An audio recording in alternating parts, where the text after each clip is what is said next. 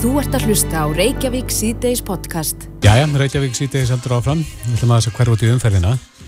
E, svona smá persónulega saga að dóttir mín er nýbúin að taka bílpróf mm -hmm. og uh, hún fekk mig til þess að taka svona uh, bóklega prófið á netinu. Ma maður getur gert það. Já, bara, bara ok. séð hver maður stendur. Ég er ekki alveg viss með að ég myndi þóra því. Nei, ég hefði betið slefti vegna að ég er kolfjell. Er það? Já, já. Já, ég, þetta er þetta rosalega stór stund í lífi þeirra sem að ætlar að taka bílpróf að fara bæði sko í bóklega og verklega. Ég, ég er ennþá hissaði að við komist í gegnum verklega. Já, Ég bæði held ég virti ekki tvær stöðunarskildur og, og tókst ekki að baki stæði. já. En hér er í dag. Mjög, ég held ég sé mjög góða bílstjóri í dag sko. Já, já, þú kannt þetta í dag. Ég kann þetta núna. Já. En uh, hann er komið til okkar, Guðbrandur Bóðarsson, sem er aukukennari, búin að vera aukukennari í 52 ár, var eh, formaður aukukennari félagsins í 27 ár, hætti 2009. Velkomin Guðbrandur. Takk að þið fyrir og takk fyrir að bjóða mér í þinn. Já, herrð, þú hefur nú ímislegt við þessi aukupróf að aðtúa. Já, mjög mikið raunverulega. Ég tel að þar þurfi að taka allt kerfið og gera uppskurð á því. Af hverju? Vegna þess að þetta hefur ekki verið hreift í, í eh, 15-20 ári, ég þór ekki að nefna tíman námskráður og gamlar og, og það er búið að breyta svo mikið í umhverjum okkar. Til dæmis er hverjum einn að tala um það í dag að við fáum ramast laupahjóla á mót okkur á götunni. Hvernig hefum að bregðast við því? Mm. Er það ekki ný... bara, nei þetta er hvergi komið inn sko, þetta er nýtt, þetta er hvergi komið inn og svona er margt, margt fleira. Og við erum reynda búinir að vera byggjum þetta í gegnum tíðina að á þessum málum verði tekið. En það er bara ekki hlustað á okkur. Hver hlustar ekki? Já, málaflokkurinn er náttúrulega undir samgöngustofu. Það er samgöngustofa sem ber ábyrð af þessu. Og mér finnst svolítið eh, merkilegt að ég náði að fá, eh, ég held að séu komið tvö ár síðan, þá náði ég að fá, það var í byrjun COVID-sins, þá náði ég að fá fjarfund með fórstjóra samgöngustofu og deltastjóra aukunásteldar til að ræða þessi mál. Það, það, það sem sagt var í upphafi COVID. Og ég man ekki nákvæmlega dagsetninguna núna en e, þá bað ég um það að við, það er því nú farið að gera eitthvað og farið að skoða þetta og farið að- stjera þetta upp og, og, og e, gera eitthvað í málunum. Það heyrist ekki hljóð eina sem við ætla að gera er það að þau ætla að setja rafrænt kerfi um alla umsýsluna til að minka og til þæginda fyrir skrifstofuvinnuna og, og umsýsluna. Ekki fyrir, það er ekkert verið að tala um nýja hluti í áherslum í aukunámi Nei. og eins og þú sagði réttilega hérna áðan Kristoffer þú kólst fjall á prófinu og það er kannski stóra málið að við séum að senda börn. Við erum hér með skildubundið aukunám og við sendum börn í próf. Það búið að fara í aukuskóla sem það á að gera. Það er skildubundið aukunám hér sem ekki er til dæmis allstaðar á Norðurlöndum til dæmis eins og í Finnland og Svíþjóð þar sem þau eru að bera saman fallprósentuna við þar sem að fólki kemur bara inn á götunni og tekur próf. Og svo segir, já, þetta er bara eins í Svíþjóð og, og, og Finnlandi. Og þetta er, þetta er eins og að bera saman æplu og appelsinu eins og oft er talað um En verður þú var við það svona hjá þínu nefndum að, að fallprósentan er há? Já, mjög. Finnst þið prófum vera sett upp þannig að Ég það sé svona reynd að leggja stein í það, Ég veit það að þau eru sett upp þannig að þau eru með útúrsnúningum og til dæmis sömpróf með þremur þú getur fengið þrjár villur í sömu spurningunni. Þú, þetta eru 90 spurninga, eða punta próf. Það eru 30 spurningar hver með þremur svarmöguleikum. En hver er hvatina bak við það að fá fólk til þess að falla? Já, það er spurning og það er gott að spurja bæði samgöngustofu og frumherja sem er einoguna fyrirtæki með einoguna fyrirtæki með framkvæmd aukuprófa e, sko þú borgar í hver skipti sem þú kemur og það er ekki nóg með það að frumherji fái pening í hver skipti heldur far samgöngustofa prósentur af hverju skipti líka í umsýslugjald þannig að það er hagur þessar aðila Það er hagur að- þessar að falla. aðila að, að, að, að fella sem mest, flesta. Er og ég færri- þetta að ræða þetta bara ofinberum vettvangi. við erum að því. Já, Já. ég, þess vegna er ég gladur yfir ég að fá að koma hérna. En eh, eru, sko Guðbrandur, nú hefur þú verið í þessum bransa í, í mörg ár, uh, eru færri sem að taka bílprófi dag en áður? Það held ég nú ekki og það sem er kannski stór breyting hérna hjá okkur, það er þessi stóri hópur nýbúa sem er að koma hérna inn í landið og þurfa flestir að taka próf hérna. Flestum veitir ekki af því, flestir eru með- úr allt öðru umhverfi og hafa engan umferðarlegan kúltúr til að vera í okkar umhverfi hérna, þannig það þarf að kenna þeim og slípa þau í þetta.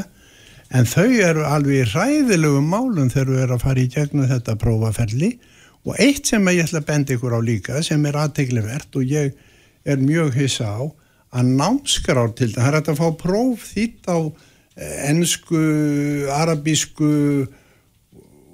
spænsku og eitthvað fleiri tungumál sem ég er nú ekki með í kollinum akkurat núna hvað er en það er þó nokkur flóra og þetta er allt þýtt úr íslenskum prófum. Ef það fer í samgöngustofu byður um námskráf á ensku þá er hún ekki til. Hvernig eigum við að nota rétt orð og orðasamband þegar við höfum ekki námskrána til að vitni til að kalla þau fram? En, Og en, þetta er allt í skötu líki og þetta er bara kert áfram í einhverjum gömlum vana og ég, ég veit ekki hverju. ef þú fengir að- breyta fyrirkomulaginu, hvað væri það fyrsta sem að þú myndir breyta, Guðbrandur? Ég myndi náttúrulega skrifa nýja námskrár í kvelli í öllum flokkum. Síðan myndi ég taka þessi próf og brenna þau á báli. Já. Já, já. Vilt ekki prófa? Jú, jú, ég Já. vil prófa, ég vil bara semja ný. Já. Þú sagðir réttilega á þann. Þú náðir ekki prófinu og dóttiðin var að be- berjast við þetta. Einmitt. Þetta er einmitt akkurat málið og fólk er að berjast við þetta og þetta er svo ósangjant, þetta er svo ljótt, þetta er svo vond. Og er kannski þá líka til þess gert að draga úr er svona sjálfsöryggi þeirra sem er að, að Ég held að þetta byrja í sé ofta umferðinni? að brjóta fólk nýður. Mjög ofta að brjóta fólk nýður og það er allt annað viðhorf orðið heldinni var og við þurftum ekkit að breyta viðhorfið var ekkit slæmt. Sko, það var ekkit slæmt viðhorf til þessa málaflóks áður og ekki til. Þið Nei. getið um kannski sagt um það sjálf. Þið hafið pröfað þetta. En hér þegar þú varst formaður aukukennari félagsins, voru spurningarnar öðruvísi þá? Var, öð... E, það var reynd að laga þær svolítið. Við áttum aðkomu að því þá þegar að þetta var stopnana vætt. Fyrst er stopnuð umferðar eh, stofa, umferðarstofa, já, maður ruggla síðu svolgu. Síðan er henni lokað, eh, mér minnir eh, nokkru setna, ég mann ekki nákvæmlega hvenar samgöngustofa tekur við málafloknum. Nei. En það er allavega, þetta verður stopnanavætt. Þegar umferðar ráð var með þetta og við vorum að vinna þessi mál og við hjálpum til að koma þess á og þá lásum við alltaf yfir prófun og gáttum lagað ákveðið orðala og gert breytingar. Síðan er lokað á all alla aðkomu aukvökennara að þessu og við fáum ekki að koma neðist að nála heldur við bara einhverju aðri menn sem að í öllu skólakerfi semja kennarar prófin sjálfir. Þetta En er veist- svo fáránlegt kerfi. En veistu hver fallprósentan er? Ekki núna. Það er, ég reyndar, sko, það er ekki mjög, þeir, þau er ekki einu sinni mjög duglegt að byrta svoleiðis upplýsingar. Það getur verið að mig finna þetta á netinu en ég er nú ekki mjög glúrin Nei. en, en sjálfsagt er þetta eitthvað stað þar á bakvið en ég hef tilfinningu fyrir því að hún sé alveg upp í 50-60% í bóklegum prófum og ég hef eh, svona tilfinningu, ég er að segja að þetta er tilfinning mín en ég hef grunum hún sé svona um kringum 20% í verklegum prófum. Miklu herri í bóklega. Já, miklu hér í bóklegum og það, það er náttúrulega vegna þess að það er svo erfitt að, að höndla málaflokkin þar því að þar eru til nokkur próf og náði bara nýtt próf og nýtt próf og það er líka svolítið merkilegt að uh, það er einlega stafrófið sem er notað á, á prófin þau heita A, B, C, D, E, F, G, H, J og K. Nú er eiginlega bara notað X, Y, Z og Y sko og þá bara eru allir, allir niðri. Það er af því að það er gott fyrir buttuna og gefur gott í, í um síslugjald og, og, og prófkjöld. Hvað kostar að taka eh, Það bóklega prófið? kostar, eh, mér minnir að sé 4.600 krónur fyrir fræðilegt próf. Eh, bóklegt, verklegt próf kostar eh, 11.700 í björréttindum ef ég maður rétt, svo eru það aðeins stýrar í auknum augurittum alveg upp í 15.000 Akkurat. Já, en uh, það er náttúrulega mjög, mjög slæm staða ef, að- ef að það er einhverju fjáraslegir hagsmunni þarna baki sem að vilja þetta fá út fólk til að falla. staða. Þetta er óeðlileg staða og það er óeðlilegt líka ef að einhver einstaklingur nú kem ég, nú kem ég með nefnda í próf skulum segja það, taka það dæmi. Og þá kemur prófdómari og raunar yfir mig og skamma mig eins og hund og segir að ég sé alls konar skrítið karakter og allt svo leiðis svo að þessi maður að fara út með skjólstæðing minn og dæma hann hlutlust og ég fæ ekki einu sinna að koma að aðtóðsendum Já, Hefur þetta gerst? já, ég er með þetta klárt. Já. það má, það má taka mig fyrir þetta. Ég, ég er bara með þetta og ég er búin að klaga þetta til fyrirtækisins frumherja. Mhm.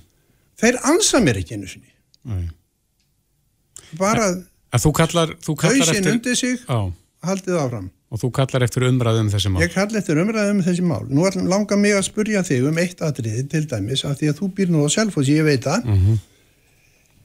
Eh, Það var verið að prófa meira að prófa á Selfossi, ekki fyrir löngu síðan og þú veist nú hvernig brúin yfir Ölfusá er, Jú, jú. gamla brúin, þröng og mjó og leiðileg. Mm Það voru að koma tveir stóri bílar úr gagstaðum áttum og próftæki hann stoppar af öryggisásum alveg eins og ég geri hér við hraða hendrun í þétt bíli þess að stoppa í stundum og býð hann stoppar þar til að hleypa hinnum bílum yfir á meðan hann fær mínustig í verklegu prófi finnst þér þetta í lagi? Þú keirir þessa próf á hverjum degi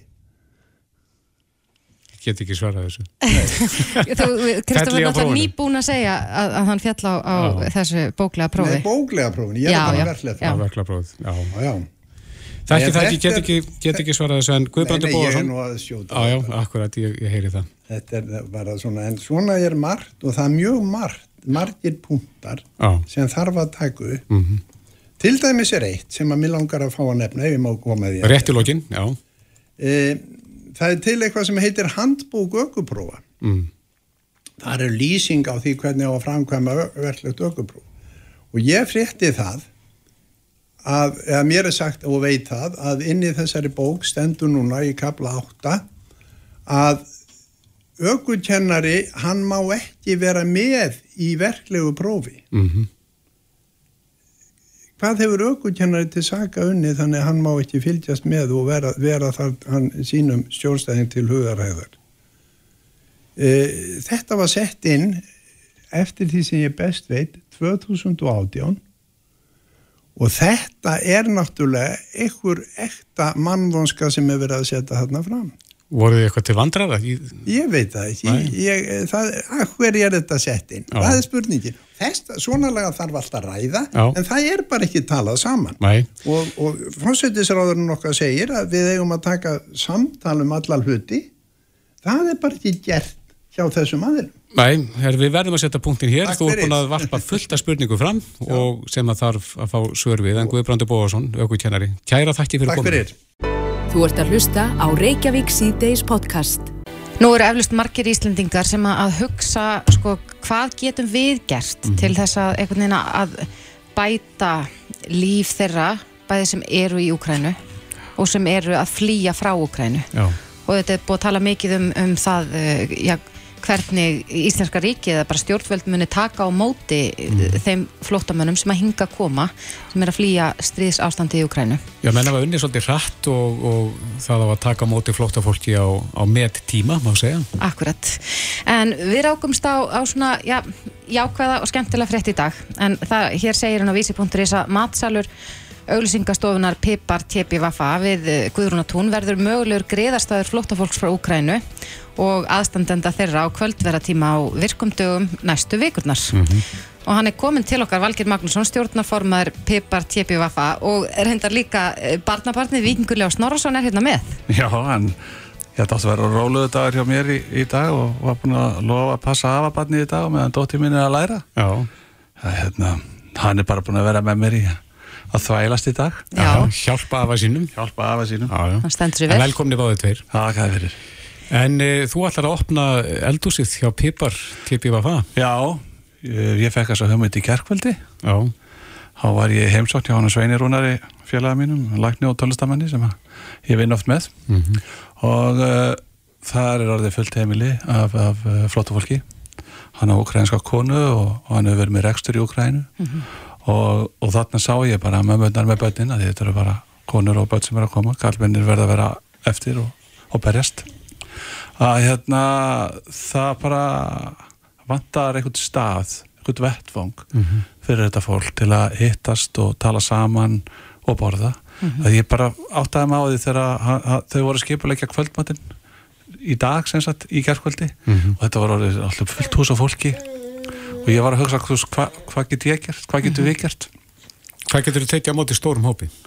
uh, við getum alveg tekið á móti 100, 100 til 150 manns Já, sko. þetta er svona stórt Hversu stór er þessi hópur nú þegar hér á það landi? það eru rúmlega 50 manns komni til landsins og, uh, og þetta fólk sko þarf allt á hvort öðru að halda ásamt tengingum við úkrænufólk sem nú þegar býr hér bara til að læra á umhverfið og skilja og, og, og líka bara til að styrkja hvort annað. Að auki, það er fólk að taka á móti þessu fólki og það, það er erfitt að gera það til langs tíma að vera allt í hennu komið með eins og heima hjá, hjá sveinivinni mínum allt í hennu komnir sko sex auka munnar að metta og sko tvær fjölskyldur á leiðinni. Þannig að það þurfti eitthvað að hugsa og, og, og ég voru að hugsa við eigum hennan frábæra matsal fullkomið eldhús, þetta er bara notað í hátteginu hann stendur þetta, stundum er starfsfólk með þarna partíum helgar en virk, virka það ekki neitt. Þannig að uh, ég herði í ánum aftur og sagði heldur að þetta myndi vera eitthvað sem að fólk erði ánætt með? Og hann bara já. Þannig að ég ringdi bara í gerkvöldi í hérna vikingur lega stöði hérna hjá mér. Já, já, Eh, ég ringdi bara í gerkvöldi í, í fóstjóri á nokkrum uh, heilsölum og allir sögðu bara strax já, ekkert mál. Já, það er bara, ætla allir að gefa okkur eitthvað og Kási ætlar að, að, að láta okkur fá mat fyrir kvöldi í kvöld. Þannig að það var svona auðveldur að byrja þannig það væri búið að elda þetta fyrir Já, okkur Þetta byrjar bara strax í kvöld. Byrja strax í kvöld, 8 kl. 6 og, uh, og það er strax búið að spyrja mig sko uh, hvort það megi koma með uh, eitthvað handa fólkinu mm. þess að börnin eru allslaus, það er ekki leikfeng það vantar eitthvað af fötum og skóm og, og alls konar, þannig að ég sagði bara já, já, endilega komið bara með eitthvað, þannig að það verður líka hægt að koma að hlutum, þannig að þau geta að velja sér úr og, og uh, þannig að þetta bara svona er að fæðast as we speak og bara fæðast jafn á Hvað áttu við vona mörgum í kvöld? Ég vona kannski svona 50 til 70 manns Já. vegna þess að það eru líka uh, aðstandendur sem að, uh, eru úkrænu fólk sem býr á Íslandi uh, og Íslandingar sem að eru venslaðir inn í úkrænska fjölskyldur Mhm. og, og það er líka búið að hvetja það fólk um að koma en það getur veitt ráðgjöf Já. þannig Eitt af því sem maður hefur séð mikið í fréttum undarfarið er sko svona gagvirk kort þar sem að, að til dæmis eins og pólverjar í Pólandi eru að, að sko bjóða uh, húsnæði, mm hýbíli fyrir þá sem er að flýja stríðs ástandið. Er eitthvað slíkt farið að gerast hér? Eru Íslandingar, gætu Íslandingar skráð já, egnir sínar eða herbergið ég, ég veit íbúður ekki eitthvað hvernig það er skipulega gert en ég veit um fólk sem að hefur gengið úr rúmum sínum fyrir, fyrir þá sem er að koma. Mhm. Og það er auðvitað von á tölur fjölda það er vona á viðbót. töluverðum fjölda í viðbútt það er, það er verið að opna fyrir þetta verði mjög auðveld að, að komast. Þannig að þá bara sá ég það er að koma alda það er að koma alda af fólki sem þarf okkur að halda það er ekki nóg að sko hleypa fólkin í landið. Þá þarf einhvern veginn að þá þarf einhvern veginn að, að eh, sko finna sér velkomið þá þarf að finna stað til að vera svona griðastað þar sem það getur verið svona eins og eiginlega bara félagsmyndstöð fyrir þá sem að þetta eru öll í svona með sambarileg, sambarileg vandamál uh, öll að fara gegnum sambarilega tilfinningar úr sipana og þurfa öll á sambarilegum upplýsingum að halda og geta hjálpa og styrt hvort annað. Já. svo sjáum við bara til og allir sem geta hjálpa bara endilega hafa samband við mig nýri pipar um, um hvernig, hvernig við getum gert hlutina betur ég er með eitt mjög sprækan hérna Hann, hann langar svo mikið að taka Já, svona veit höfðinu það. sko. ég veit það kannski bara gerum við Já, það leifum að prófa. Já. Það er um að gera. Hérna. þetta, þetta er bara vel til fundið og hérna manngæska, alveg þarna í gegn. takk fyrir, takk fyrir það og svo náttúrulega fylgta fólki að hjálpa og þessi, nú er ég að leiðinni bara hérðan upp í Ölger að segja gósi fyrir kvöldið Já, já. og, og, og það er allstaðar alltaf, alltaf og ég- velvilja, allstaðar opið. Já, kannski eins og ég sagði þetta áðan að þá eru þetta, maður er búin að sjá það ég til dæmis bara samfélagsmiðlum að, að, að það er ríkt í fólk að vilja hjálpa en veit kannski ekki alveg hvert á að snúa sér, þetta margir sem er að gefa já, peninga í söfnuna, númer og annað slíkt en, en uh, kannski hægt að hjálpa með þessum mætti. Já, ég hérna það, það, það stóðar ekkert að vera að gefa okkur peninga heldur gefa þá bara eitthvað annað. Mhm. en ef fólk sko getur hjálpað okkur á eitthvað annan hátt þá hérna líka það þarf að manna fólk sem ætlar að hjálpa til við að salurinn sé í lagi og svona dót sko. Hvert hefur fólk samband ef að það vil leggja sitt að mörkunum? uh, bara hafa samband nýri pepar og spyrja mig Já, og, og það, Það það finnst einhvern veginn á leiðinni Já. Já, þetta er áhugavert og, og við bara vonum að þetta gangi allt vel. Valgir Magnússon, stjórnaformar PPTBF og Víkingur Leo Snorarsson, sætasti maðurinn í húsinu. Takk kærlega fyrir komuna. Takk, takk sem við leiðis Þetta er Reykjavík C-Days podcast. en það er ótt að segja að eh, eins og frétt sem að eh, var mest lesin í vikunni og það viðtal e, á bylginni sem var mest hlustað á var viðtal sem að bítismenn áttu við Tesla eiganda hér í, vikunni Já. um e, bílinn sem að endaði í polli og drap á rafleðinni. Já, Hann fór í eitthvað svona, eitthvað ástand þannig að ef ég stildi þannig Tesla eiganda rétt að þá eigðalagi bílinn sem sjálfur Já, já. var eitthvað svona varnarmekanismi í bílnum sem að uh, varði restina bílnum og, og eigðalagi rafleðinni. Mhm. Ef ég stildi þetta rétt. Já, já ég, ég er ekkert sérstaklega fróðum um sko raflöður í bílum en, en hann var líka svona að benda á það að, að hann var óviss um hvort hann fengi tjóni bætt Mm og eftir, eftir þetta viðtal hafa fjölmarki rafbíla eigendur svona aðeins verið uggandi yfir þessu og reynilega velti fyrir sig hvort að veðrættan á Íslandi sé bara ekki nægilega góð fyrir rafbíla ef að, ef að uh, uh, þetta geti gerst Mhm. Já, menn spyrja líka, uh, ja, þeir sem að þekkja rafmagnið, þeir vita það að rafmagn og bleita blandast illa saman. Já, það er víst En til þess að ræða þessi mál er komin til okkar Ingþór Áskjesson, frangværtastjóri þjónustu sviðs hjá BL, velkomin. Takk fyrir, takk fyrir að bjóða mér. Tekur ekki undir það að rafmagn og vatn er ekki góð blanda? Jú, svona alveg, alveg beint og beint, þá, þá, þá var það ekki góð blanda. Nei. En er þetta algengt? E, með, með svona aðtök eins og hann gerist? Já, að potla sér verfið viðrögna fyrir rafbíla. Nei, nei, nei, nei, nei. Ég held að við getum alveg verið rólega með það hver sem tegundin er. Þessi bílar eru nú þannig framleitir að þeir eiga að þóla almennt slapp og, og vósviri og, og votviri og, og svoleiðis þannig að ég hef ekki, ekki nokkra tróða öðru heldur en að þetta hefur verið eitthvað bara mjög sérstakt tilvík sem hafi komið þarna upp. Og það þannig að nú eftir að klára líka það skils mér og, og að leifu nú kannski málinu líka að, að þróast aðeins í þá átt að, að sjá hvað hefur komið fyrir og hver ósökin er. Já, En Ég- við erum svo sem búin að selja bíla frá 2012 ramaspíla eins og Nissan Leaf sem er nú búin að vera svona mest seldi ramaspílin uh, gegnum á, já, ára tíin má ég að segja en nú ég að vera tíu ár síðan. Við hefum ekki lent í neinum slíkum tilvikum með, með þá bíla og, og heldur ekki með þá bíla aðra sem að eru einhverja 13 tegundir sem við teljum að, sem við verum að selja að, að það sé einhver vandamál. En hins vegar er þetta mjög þekkt með dísil og, og bensinbíla að vatn er ekkert að ganga nætt rosalega vel ofan í þá heldur sko. þannig að við erum með miklu fleiri tilvík varandi þá bíla heldur en rammaspíla Ég sá hérna eins og við talaðum að þá eru, eru margir sko uggandi vegna, vegna þessa tjón sem að, tala var um í, í bítinu. Ég sá einn uh, leigubilstjóra tjá sig á, á Facebook um það að hann var búin að leggja pöntun fyrir Tesla-bifreið og ætla að akka þeim bíl sem leigubíl og hann var að hugsa um hreinlega bara að hætta við út af þessu. Er, er það kannski, já, ætti maður að býða og sjá hvað gerist? Já, ég held að þetta sé nú kannski svolítið dramatíst að vera að taka afstöðu bara út af einhverju einu, einu tilvíki sem hefur komið upp. Allir bílar eru nú þannig framleitir og ég fó nú aðeins að rýna í gognin með teknistjórunum hjá okkur hvaða vaðdýft er verið að gefa upp. Og þetta er allt saman sambarlegt hvort þetta sem uh, ramagsbíl, dísilbíl eða bensinbíl það eru vísu ein tegund sem er nú kannski svona sér hannu til þess að, að geta þólað aðeins meira og, og það er svo tegund sem við seljum sem er, Jaguar, nei hérna Land Rover Defender það er nú gert ráð fyrir að hann geti nú þólað 90 cm en ég held að 90 cm séu þannig að ef það er aðeins meira en það þá fer hann bara að fljóta en, en það er ekkert allir bílar þannig framleitir sko. Nei, en hvað er það sem gerist? Í, eins og í þessu tilfelli Já, það, það sem að, Eh, hvert sko, kemst vatnið til að valda þessum skap? Ég er ekkit vissum endilega að vatni hafi farið inn í raflöðuna en, en það eru margir örgistættir sem betur fer sem að eru í þessum bílum að, að, að bílinn slítur sig reynlega úr sambandi ef hann lendir í ákveðnum aðstæðum Mhm. og þetta er meðal annars ef hann eh, lendir í árekstri og það springur út búðar og, og, og fleira að þá getur þetta komið upp að, að, að raflaðan slíti sig frá og þetta er bara heilmikið og mjög gott örgisatriði En það eitt og sér ætti ekki að skemma raflöðuna, er það? Nei, ekkit endilega Er það bara hægt að tengja aftur? Já, það er hægt að opna raflöðun og skoða hvað komið komið fyrir og, og Mhm. aðtuga það. Þessar raflöður eru byggðar á, á, á litlum einingum og það getur verið alltaf svo kallega 96 stykki af sellum inn í einni svona raflöðu og uh, það er alveg hægt að opna þetta og, og mæla út hverja sellu og, og skipta þá út ef það er eitthvað sem hefur dottið út.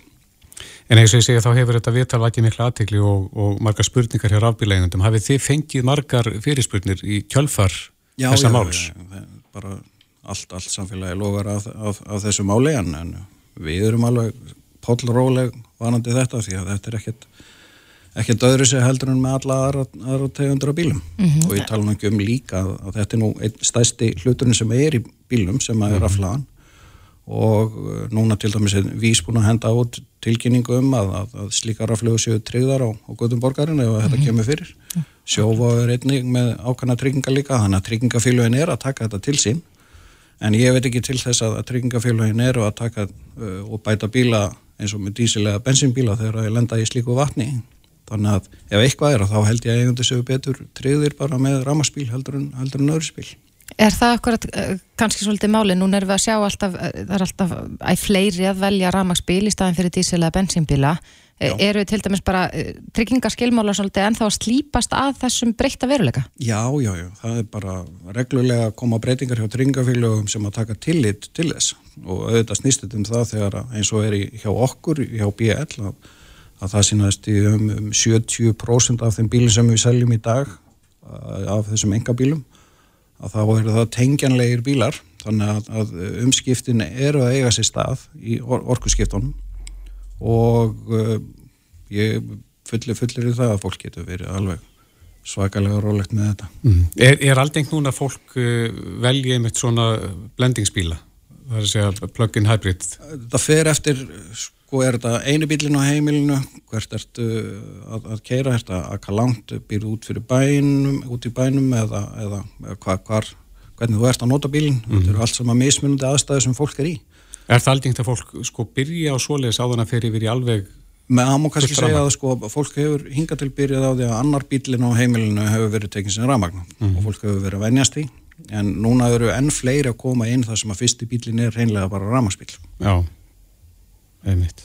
og hérna Mm En varðandi e, pollana, að eins og segir, þá á fólk að vera pollrólegt. pollrólegt og það má kannski líka að fólk þarf að fara líka varlega þegar það fer inn í svona polla og þó að maður sjáu þetta í einhverjum bíómyndum þar sem að bílarnir eru kerðir á, fullri ferðu ofan í pollana og mikill skvettugangur og mikill hasar og þetta sé eitthvað voðalega flott en þá er þetta ekkit ósvipu lögmál bara þú stendur á sundlega á barminum og lætur þið falla svona framfyrir þig hon í sundlegina það er allt í lægi fyrir malakútina að fara í sundlegina en hins vegar ég er ekkit við sem að, að það sé þægileg staða og ert í tvekja metra hæð og lætur þið detta á, á malakútina hon í sundlegina Nei.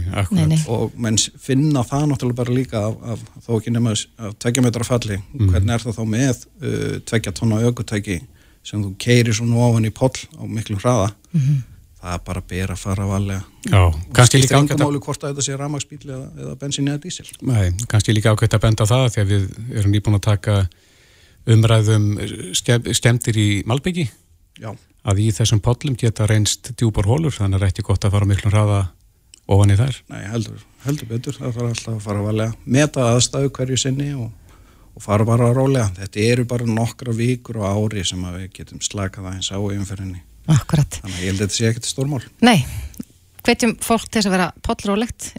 Yngþór Áskesson, frangvæntastjóri þjónustusvið sjá BL. Kæra þakki fyrir komina. Takk hérlega fyrir mig Þetta er Reykjavík C-Days podcast.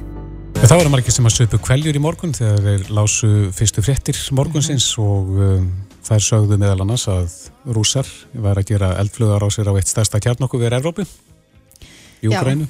Selenski, fórseti Ukrænu, sakar rúsa um að hafa viljandi skotið sprengjum á kjarnorku veriði nótt og að, að sakar þá er um að vilja endurtaka harmleikin í Tjernobyl.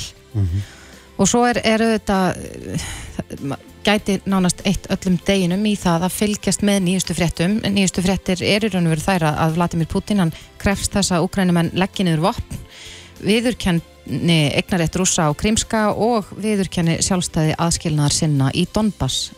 Það eru kröfunar. Það eru kröfunar. Mm -hmm. Hann hefur einnig staðhæft við kanslara Þýskalands í dag að rússar hefðu ekki gert árásur á almenna borgara í Úkrænu en, en samkvæmt fréttum að þá er það alls ekki satt. Nei, það eru fjölmörg myndbönd sem að náttúrulega berast frá Úkrænu uh, mm -hmm. sem að sína hefði kakstaða. Já, og, og sko, maður veltir því fyrir sér hver tilgangurinn er með því að, að ná þessu kjarnorkuveri sem er starsta kjarnorkuver í Európu. Ég ætla ekki eins og reyna að bera fram nafni á því. Nei.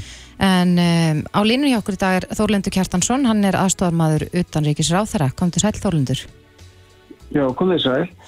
Já, getur þú svarað þeirri spurningu? Hva, hver er kvatina bak við það að, að já, ná þessu kjarnorkuveri?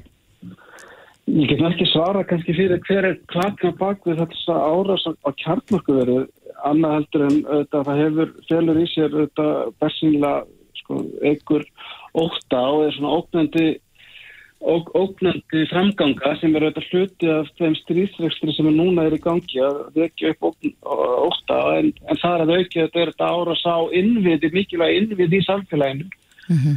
og þannig að fórum þetta fram rámasframhersla þetta er stærsta kjarnorku verið Afrópu Já. Eru Úkrænum en að selja orgu frá þessu veri til Evrópu?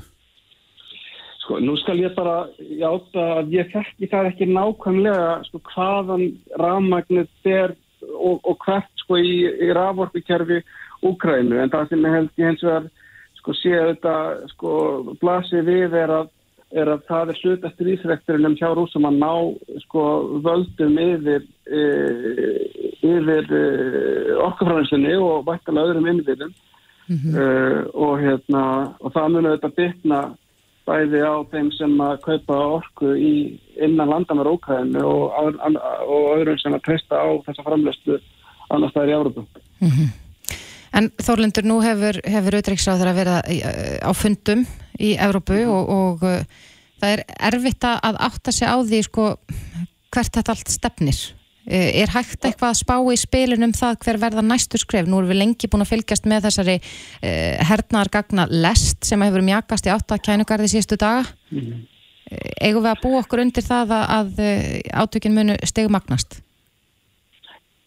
Sko, það hefur verið bóðað af bara beint af rúslandsfórsetta átöki muni magnast en það er ofsalega erfitt og, og kannski þjónur ekkert ofsalega miklu tilgangi að vera að velta því, sko, velta því fyrir sér að vera með botlaleikingar um það. Mm. Það mættilega komið á óvart, ekki síst hefur mótspilna og hugur ekki úkrænski þjóðarinnar komið mörgum óvart og, og, og hérna, það, það, það, það er hlutur sem að eh, er gerðnan vannmetin í sko þegar borðir eru saman sko borðir saman herstyrkur þjóða að, að, að, að ef að baráttu drekkið er meira öðrum meinin hinnum með það getur það fara að skipta mjög miklu máli til dala fljótt. Og sérstaklega þegar að hérna átökinn færast inn í borgir og, og, og þar sem þetta göttunum þannig að Þetta er allt alveg afskaflega óknveikjandi á að horfa og sem að tala mjög um sko fyrir auðvitað fólkið sem að þarna býr uh mhm. -huh. en, en að spá eitthvað fyrir en það hefur reynst afskaflega erfitt hinga til en það sem við höfum séð er að þetta er, að mótspyrnan er hörð bara þetta þreikið er mjög mikið í Ukrænumennum og þá undistrykkar svolítið það sem að glasir við að það er ekki áhuga á því hjá þessari þjóð að vera sett undir Rúslandsforsetta. Alveg sama hvað það búið að vera að segja og það er meira svo þannig þessum héröðum sem að hafa verið óbeint undir stjórn Rúslands núna í sjö ár, það hefur verið gríðalegur hérna, fólksflótti allan þennan tíma. Tvær miljónir manna eru sko flóttamenn innan landamæra Úgræna því að þeir hafa viljað komast frá því svæði þar sem að rússar hafa haft töklu haldi. Mm -hmm. Og uh, þannig að, þannig, að, þannig, þannig, þannig að það er alveg augljóst að viljum þar er eindregin að standa gegn þessari hérna ólumæti innrás. Akkurat, en, en þá sko velti maður fyrir sig, fór aðeins yfir hérna á þann að hverjar kröfur Pútins eru, að, að þetta er sko að Ukrænumenn legginuð vopn, viðurkenni eignar þetta á, á rúsa á Krímska og svo sjálfstæði aðskilnaða sinna í Donbass. Eru er einhverja líkur á því að, að já, Ukrænumenn muni una þessu? Það finnst mér ósænilegt en það eru auðvitað bara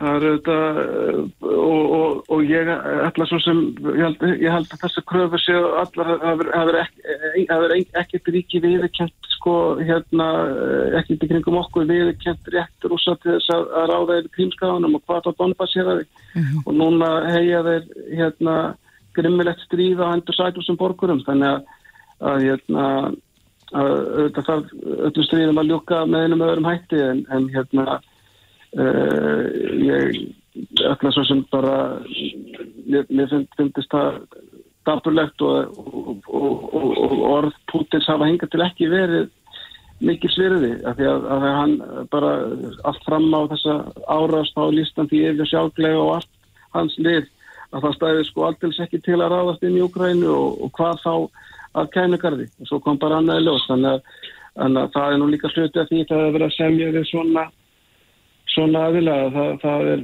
hérna það, það, það líka verðan fyrir sig hvort, hvort sem einhverju líkur að að það verið staði Já, ef hann sagði svarta þá gerði hann hvít Já, eftir því kom fram til dæmis á, á, eftir fund Macron með, með, með uh, Putin í símanum í gæra þá sagði Macron að það væri að það blasti við að, að fyrir að Putins væri að taka allt landi. Mm -hmm. Já, en e, þú ert aðstofamaður utanríkis ráð þeirra, hefur verið mikið að gera hjá, hjá henni núna undan hvarnar daga? Já, það er auðvitað bara allt undirlagt í, í, í þessu að, að, að fylgjast með og, og, og, og fyrir okkur að, hérna, að skilja hvað er að gerast og geta lagt um það mörgunum uh, til þess að hjálpa ákveðarsku tjóðinni og auðvitað fylgjast með okkar fólki, okkar ríkisborgurum Uh, undirbúið að koma flottamanna ef aðverður og, og þar sem þetta guttunum þannig að mm. það er vissilega búið að vera ákvæmlega mikið að gera hjá auðvitaðriksráðira og, og, og öllu auðvitaðriksráðu neytinu alveg sagt Hversu margir Íslandingar eru enn stattir í Úkrænu?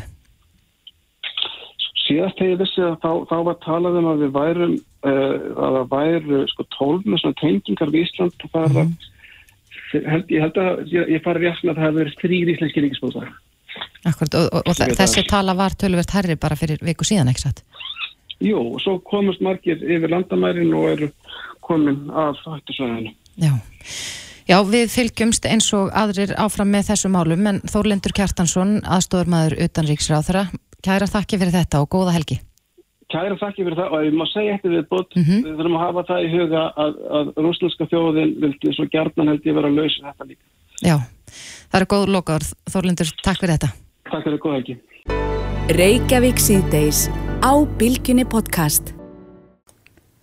Nú búið að vera einstaklega slemt veður á Íslandi undanfærin mánuði að svo jafnvel mánuði Já, heldur betur og ég er búin að heyra þó nokkra að segja svona, kannski meira í gríni heldur en í alvöru, bara af hverju gerum það sér að búa einna hérna? mm -hmm.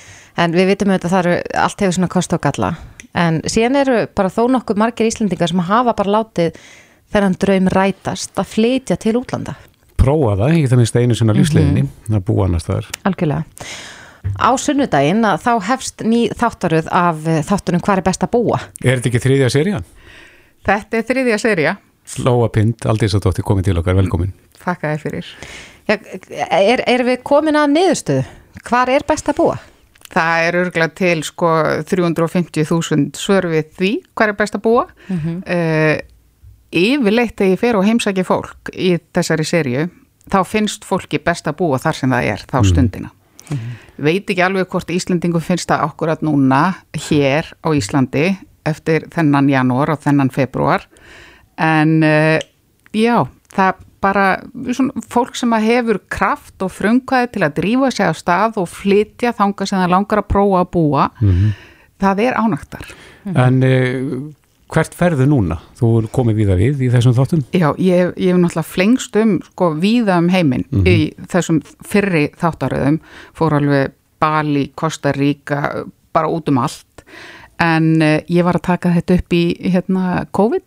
Já, þannig að það voru svona ég ákvaða að halda mig innan Evrópu. Og verið í Evrópu búblunni. ég var í Evrópubúblunni og enda þegar ég fór á stað í tökurnar þá var allir mér ekki tækt að komast til bandaríkjana og mér fannst ekki skynsanlegt að vera að fara til Asíu eða Afríku að þessu sinni. Og ég hugsaði líka með mér sko í fyrsta lega held ég að hafi nú aldrei verið jafn mikil eftirspurn eftir svona efni og akkurat núna þegar við erum búin að vera meir og minna lokuður læst inn í okkar landi. Uh, og ég hugsa mjög margir uh, sem að ætla að hugsa sér að stíga þetta skref mögulega í náni framtíð þeir hugsi með sér uh, það er kannski skynsanlegt að vera á svæði þar sem að maður þekki reglunar, þekki kerfið er líklegri til að komast aftur heim ef eitthvað gerist Svona líkari samfélög. Já. En hvaða lönd eru þetta í Evrópu? Uh, ég held mér náttúrulega aðalega sunnarlega í Evrópu Í sólinni? Eð- eðlilega ég fór til Ítalju ég fór til Gran Canaria Já. uh, ég fór til Portugal uh, Fraklands og Grænlands Já, allt í einu Grænland. já, ég varð að hafa einhver, einhvern kulda svona, sem mótvægi og eitthvað sem er aðeins exotist fyrir okkur En nú höfum við heyrt svolítið mikið tala um það upp á síðkastið að, að maður getur unnið hvar sem er. er. Er mikið um það að Íslendingar sé að flytja bara á sko, heitari staði og, og sinna vinnunum sinna sem er kannski hér á Íslandi? Já, það er tölvert um það. Og ég ákvaði mitt að reyna að finna svoleiðis fólk fyrir þessa serju að því að fjárvina er orðin bara svona viðkend aðferð núna eftir COVID og, og fyrirtækjum hefur væntalega skilist að afkost geta verið bara jafn góð eða meiri þegar fólk er í fjárvinu og það er alveg eitt, tvö, þrjú heimili sem ég heimsæki þar sem fólk framfleytir sér með fjárvinu frá Íslandi og til dæmis hérna tvö mögnu dæmi uh, það er kona sem býr í fjallaþorpi á Gran Canaria og hennar heimili uh, hérna fær tekjur af því að ráðgefa íslenskum sprótafyrirtækjum á Íslandi. Já. Annað dæmi uh, hjón sem að búa í Helli á Kanari uh, upp í fjöllum þar og þau reka þaðan uh, siglfyrska útvarstöð Já, senda út frá þau senda út frá hellinum á Kanari og er að tala um málefni sigluverðar. Já. Já. og þau eru líka með hérna, fréttasíðu sem heitir trölli.is og reka bara norrlenskt fjölmiðla fyrirtæki þarna frá hellinum á Þetta Kanari hittur að vera frekar nútíma vættur hellir er, er internettenging og, og innstungur og rafmagn Þa, og... það, já, það er, já, já, það er allt svo leiðis en hérna, þú veist, það er bara sólapanelar fyrir rafmagnið og svo sínda mér uh, nettenginguna sem að fer upp í einhvern rátir sem er einhverstað lengst upp á klettabrún. Uh, uh, þetta var svona svolítið í allt saman en hérna, þetta gengur allt upp hjá þeim. En hefur í þessum þáttum hitt eitthvað fólk sem að er óanægt með flutningin? Er allir sælir? stórt er spurt Nei ég held ég hef ekki hitt Það svoleiðis að, fólk verið að spyrja spurningarinn hvað er best að búa? Já. Það- Sko, það er að, já, sko, hérna, fólk sér samt gerðnan kostu og galla við staðina sem það býr á og kannski svo fjölskylda sem ég, eh, ekki þessari seríu en í síðustu seríu, uh, þá fór ég til Costa Rica og heimsótti fjögramanna fjölskyldu sem bjó í Paradís. Uh, Já. Costa Rica er bara svona paradísaland. Uh, herlaust, ótrúlega friðsælt og hérna vel sett miðað við þá heimsálfu en hins vegar tölvertum glæpi og inbrot og rán og alls konar og hérna og fátækt líka. Uh, og þau sá alveg vel gallana við, við paradísina. En almennt er fólk mjög ánægt það sem það er. Og ekki mikil heimþrá? Nei, svo hugsa ég bara með nútíma tækni þá, þá er þetta svolítið annað. Ég bjóði í útlöndum sem krakki, uh, líka sem námsmaður á þrítugsaldri. Fyrir, eða þú veist svona í árdaga internetsins. Mm og það, ég meina, þú veist, maður þurft að ringja kollekt til þess að eiga fyrir símtalinu til að heyri mömmu pappa einu sinni á tvekja manna fresti eða eitthvað. Þetta var fyrir FaceTime. F- Já, þú veist, þetta er bara allt annað. Þegar þú getur ringt í allt þitt fólk og séð það og spjalla við það og, og það er ekkert mála að halda samskiptunum við fólkið þitt heima. Ég bjó í Kostaríka þegar ég var átuna og var þar í heilt ár. Vá. og ég man eftir því að þá þurfti ég sko að fara svolítið langt ferðalag frá húsinu sem ég bjó í inn í svona miðbæin til þess að komast á internet kaffihús til þess að geta mögulega sendt sko tölvupósta.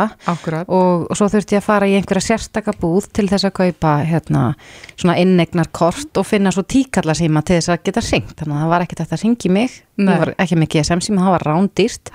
Þannig ég held að staðan sé svolítið önnur í dag er, þetta er bara allt annað veruleik, þetta er allt annað og auðveldra að búa einhverstaðar lengst í burtu í dag en það var.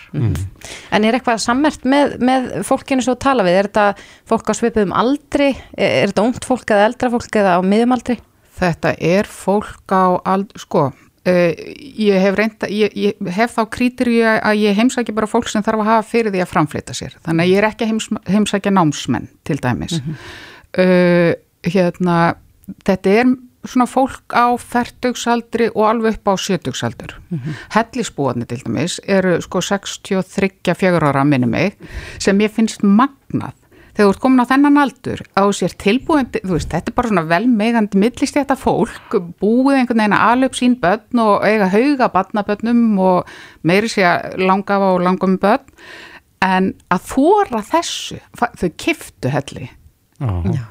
Að þóra því að fara úr sko 300 og eitthvað fermetra einbýlishús á Siglufyrði og kaupa hell upp í fjöllum þar sem þú einhvern veginn veist ekki alveg hvernig hlutinni fungera, mér finnst það bara magna Hvar byrjarðu á sunnudaginn? Ég byrjaði í Portugal hjá indíslegri lítilli þryggjamanna fjölskyldu sem emmitt framfleti sér í fjárvinu. Hann er hljóðmaður og hún er hönnur, listamaður og þau eh, hérna, byggu í Berlín þar sem þau voru í námi og vinnu og svona voru hann þreytt á, á asanum og streitinu og kuldanum í Berlín og ákveða að kaupa sér jörð uh, í Portugal áttu, held ég, seldu íbúð hérna á Íslandi og notuðu þann penning til þess að kaupa þessa jörð en á jörðinni var ekkit íbúðar, íbúðarhæft hús. Þannig að, að það, það voru bara rústir þarna og uh, þau enduðu á því að, að, að því þau vilja lifa skuldlausu lífi. Þannig að þau ákveða að láta gera upp uh, lítu byggja átján fermetra svona tiny house á gömlu svínastíðinni á jörðinni. Og þau búa semst á átján fermetrum þessi þryggjamanna fjölskylda. Og bættu svo við svona eila hálgerðu úti eldhúsi sem er ekki inn í þessum fermetrum. Og þarna langa þau bara að verða svona hálgerðir sjálfsþurftabændur. Þau ná að lifa á cirka 50% vinnu annars þeirra og legðu sér vinnu að stuði í næsta bæ þar sem að, þau geta bæði unnið og hafa þar að leiðandi náttúrulega miklu, miklu, miklu meiri frítíma til þess að gera bara það sem einhvern veginn löngunin segir þeim dagstælega. Já. Þau eru ekki föst í vinnu eða að berjast í gegnum snjóin og hríðina til að sækja barnið á leikskóla. Heldur er bara barnið heima hjá þeim, svo fer hún í skóla og þau ráða því hvort hún fer alla dag í skólan. Stundum er bara gott við þeir og þá farðu þau á ströndina. Þetta hljómar er svo draumalíf fyrir sömu aflust. Já, Lóa Pind, við fylgjumst með á sunnudaginn. Hvað er best að búa? Takk kærlega fyrir komuna. takk fyrir mig. Á Bilginni podcast. Stundum er talað um vorbóðan ljúfa og þá erum við að tala um eh, já, Eurovision söngakeppna hér á landi. Já, allt þetta sem því fylgir og, og ég er ekki frá því að það sé já, svona meiri spenningur í kringum mig eins og heimilinu mínu heldur en áður kannski út af því að já, við erum einhvern veginn að sigla út úr COVID og, og, og vera að opna allt og það er svona stemning, Það er stemning. í þjóðfélaginu. það er mikil stemning Einmitt. en uh, á morgun er setna undan úrslita kvöldið í söngvakeppninni. Já, og þar eru fimm lög að keppa eins og síðast og ég held að það sé sami háttur á að komast tvö lög áfram. Já, er, er síðan eitt svona wildcard eins og það er nú kallað í slettaðins Já, mér skilst það. sem að færa að fljóta með og þannig að það verður þá fimm í úsletikefninni. Já, En ert þú komið með uppáhaldslag? Uh, já, eiginlega. Ég er svolítið búin að vera að kynna mér þetta núna í vikunni og, og ég er kannski svolítið lituð af því að ég á fimm ára og sjö ára stelpur sem að eru svolítið að hafa áhrif á mín, mína skoðun á þessu. Já, Hva, hvað eh, stendur uppur hjá þér? Ég, ég held svolítið með Reykjavík dætrum. Já, ég verð að segja það líka. Að, að öllum öðrum ólustuðum að þá Já, já. eru þær einhvern veginn í uppáldi á mér. En mér fannst líka sýsturna þrjár sem að dætur mín að kalla ítrekka sko þrýburana og ég veit að það er ekki þrýburar. Mhm. Mér fannst þeirra lag líka alveg dásunlegt. Það er komast ekki áfram. Það er komast áfram, jú. Er það? Í síðustu viku, jú, jú, Er jú. það nú, Það er ja? taka þátt í úrslita keppninni. Já, en á línunni er framkvæmdastjóri söngvakeppninar, Rúna Freyr Gíslason, sæl. Sæl og blessu bæði. Má spyrja þig, ert þú komið með uppáhald? ég myndi aldrei segja það, það er ekki hægt. Vi, Nei. við svona reynum alveg allan tíman að gæta jafnbræðis, alveg eins og við getum. Sko. Það, þetta er náttúrulega keppni sem að, sem allir eiga að vera jafnir og, og, og hérna, allavega gagvart okkur. Þannig að við passum upp á það, en auðvitað er maður svona, ég veit ekki, sem maður hlustar og, og auðvitað fíla maður sumt og annað minna og eitthvað svona, en, en hérna, ég hef voða sjaldan geta, hérna, svona, uh, gískað á hvað vinnur. Það það er alltaf þetta svona, ekki það. Því söngvakefni er ekki bara söngvakefni, hún er líka uh, atriðakefni, þú veist, dans og búningar og hvernig þú stendur í viðtjölunum og hvernig allt bara, allur pakkin er einhvern veginn. Ég held að þjóðin sé ofta velja svona fulltrúa sinn líka með Já. því að velja lægi þá er það að velja svona hver á að fara fyrir okkar hönd og standa sig uh, allstaðar uh, á Ítalíu í mæ. Mm en, en við myndum staðir hérna áðan á, á eitthvað sem að við köllum wildcard sem er kannski kallað eitthvað allt annað. Verður eitthvað slíkt í ára að, að ja, það verður eitt lag valið sem mun taka þátt í úrslita kvöldinu? Við þýttum þetta wildcard af því að þetta er aldrei skrítið á íslensku að segja wildcard og, og við köllum það hérna á árum áður svartipétur sem er aldrei skrítið líka af því að það er ekki gott að enda með svartapétur. Nei. Þannig að við skýrðum þetta í anda Eurovision eitt lag enn. Þannig að það komast fjögur lög uh, klárlega upp úr undankjafnurum en svo er möguleiki á að eitt lag enn fari í gegn og við komumst að því á uh, lögataskvöldið í log keppninar. Já, þannig að við fáum að vita það bara á morgun. Svona, já, þið fáum að vita það bara í lok keppnir á morgun þegar að tvö lög verða valin áfram og Mhm. þá hvort að verður eitt lag enn eða ekki. Og þá er hvort að verði fjögur eða fimm í úrslitum.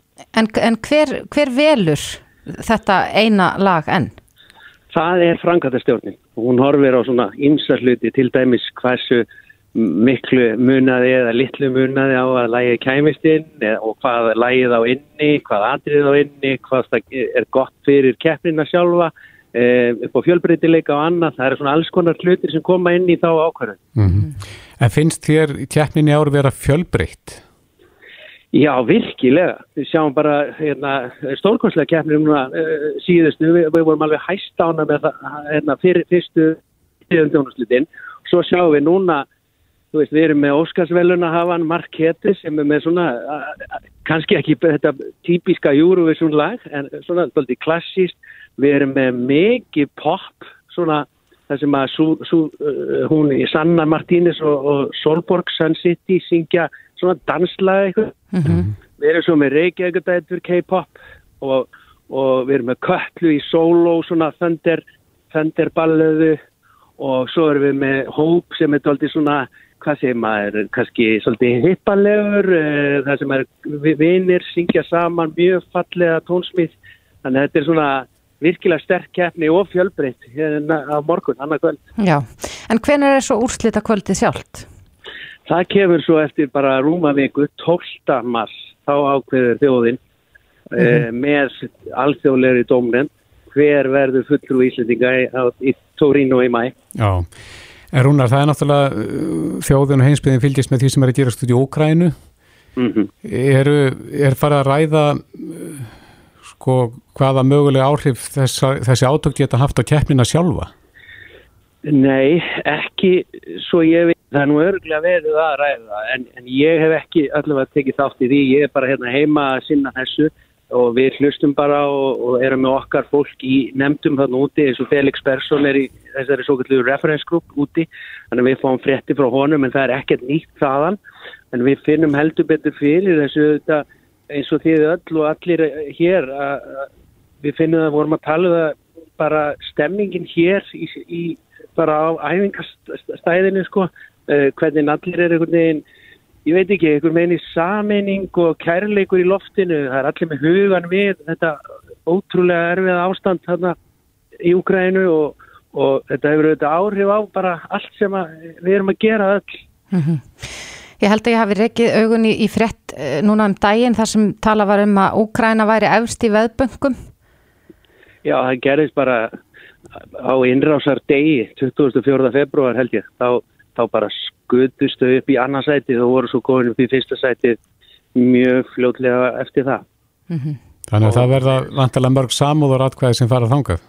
Já, ég, ég geti vel trúa því og ég held að veðbónkanir séu svolítið uh, með það á hreinu sko. Uh, líklegast í sigurverðin allavega í dag, svo veit maður ekkert og maður vonar auðvitað allt breytist og þetta eh, lægist eitthvað ástandi en, en hérna, eins og þetta er svona þá er það nú ansi líklegt að margir hugsi lílega til þeirra eh, 14. mæ. akkurat. En uh, á morgun uh, keppa þessi fimm lög. Uh, er ekki allir orðnir virkilega spenntir fyrir þessari viðrögn?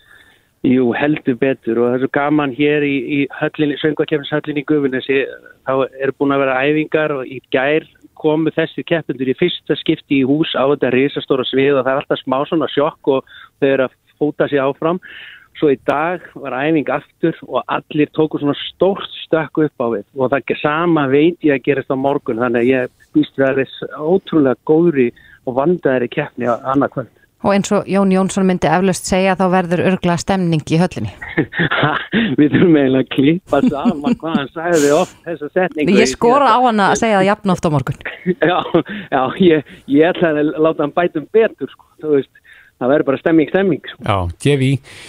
Rúnar. Freyri Gíslason, frangvandastjóri söngvatjafninar, kæra þakki fyrir þetta og góða skemmtun. Takk kærlega, gott að heyri ykkur. Nú fer þessi þáttur að liðundur loki dag og í þessari viku. Já, eh, við hefum nú komið víða við. Við heyrðum til dæmis í Guðbjörnandi Bóðarsinni aukukennara, þar sem hann gaggrínir fyrirkomulag uh, bóklegra prófa. Já, hann saði meðal annars að sko frumherji og samgöngustofa hefðu bara beinilins haga því að, að láta fólk falla. Já, akkurat. Nú svo komur rafbílar aðeins við sögu, fengum uh, sérfræðing frá BL sem að segir að við eigum bara að vera pollróleg yfir öllum þessum pollum og rafbílum. Akkurat. Svo heyrðum við þetta í henni Lóu Pind hérna rétt á þann að tala um hvað er best að búa sem að, já, fyrsti þátturinn er á sunnudaginn. Já, við minnum á spurninguna í leiðinni inni á vísi.is og bylgja.is það sem við spyrjum, hvar myndur helst vilja búa? En það má finna þessi viðtölu og fleiri til inni á vísi.is og í bylgjuappinu. En við verðum að fara að skipta yfir á fréttastofuna núna en verðum að sjálfsögðu aftur hér á mánudaginn á slæðinu fjögur. Já, Þórdís, Bræði og Kristoffer þakka fyrir sig. Góða helgi. Hlustaðu hvena sem er á Reykjavík C-Days podcast.